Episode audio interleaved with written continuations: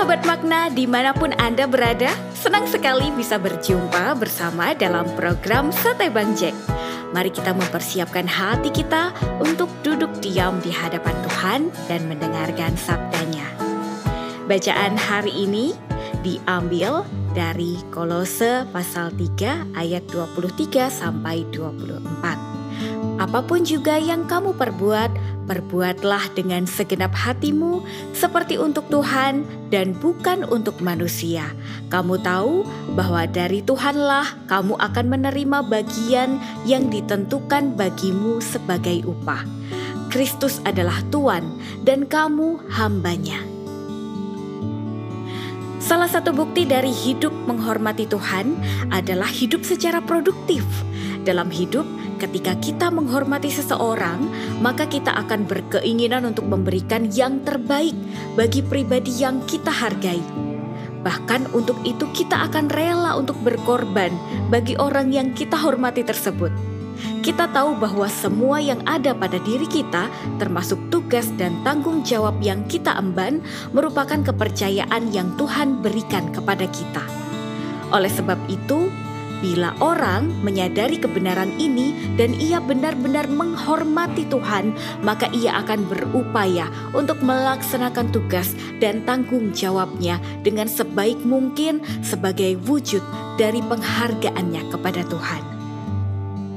Kaitan antara hidup menghormati Tuhan dengan hidup secara produktif inilah yang dikemukakan Rasul Paulus dalam Kolose 3 di sana ia mengemukakan bahwa Kristus adalah Tuhan dan kita para pengikutnya adalah hamba-hambanya.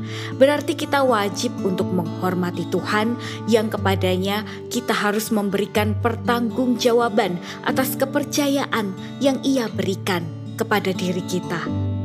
Atas dasar itu Paulus menulis, apa pun juga yang kamu perbuat, perbuatlah dengan segenap hatimu seperti untuk Tuhan dan bukan untuk manusia.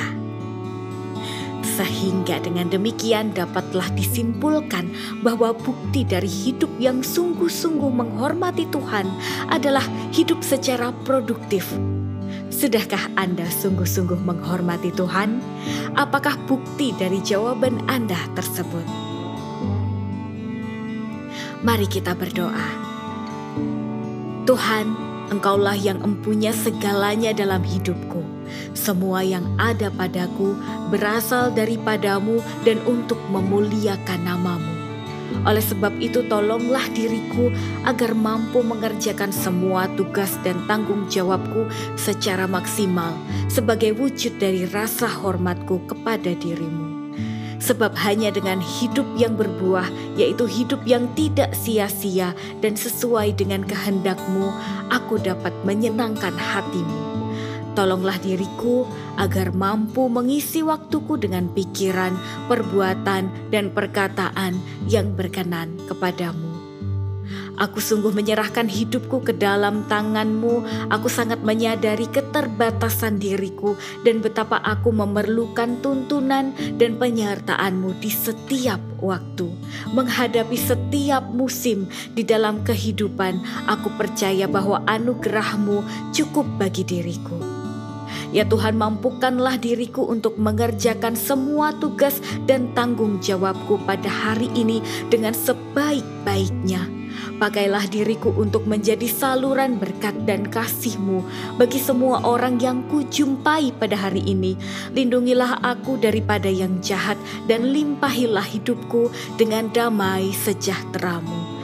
Di dalam nama Yesus Kristus, Tuhan dan Rajaku, aku berdoa. Amin.